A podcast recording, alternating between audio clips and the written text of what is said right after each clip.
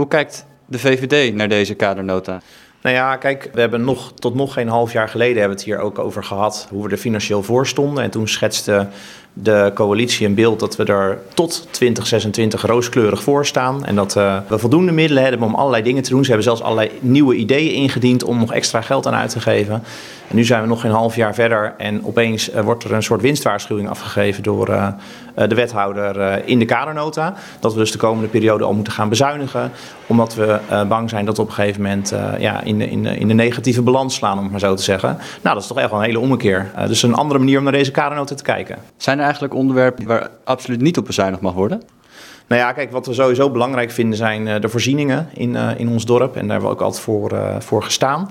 En ja, wij staan gewoon voor stabiel financieel beleid. Dus wat ons betreft komen er geen, niet enorme grote verrassingen. Bijvoorbeeld ook in, in de lasten voor onze inwoners.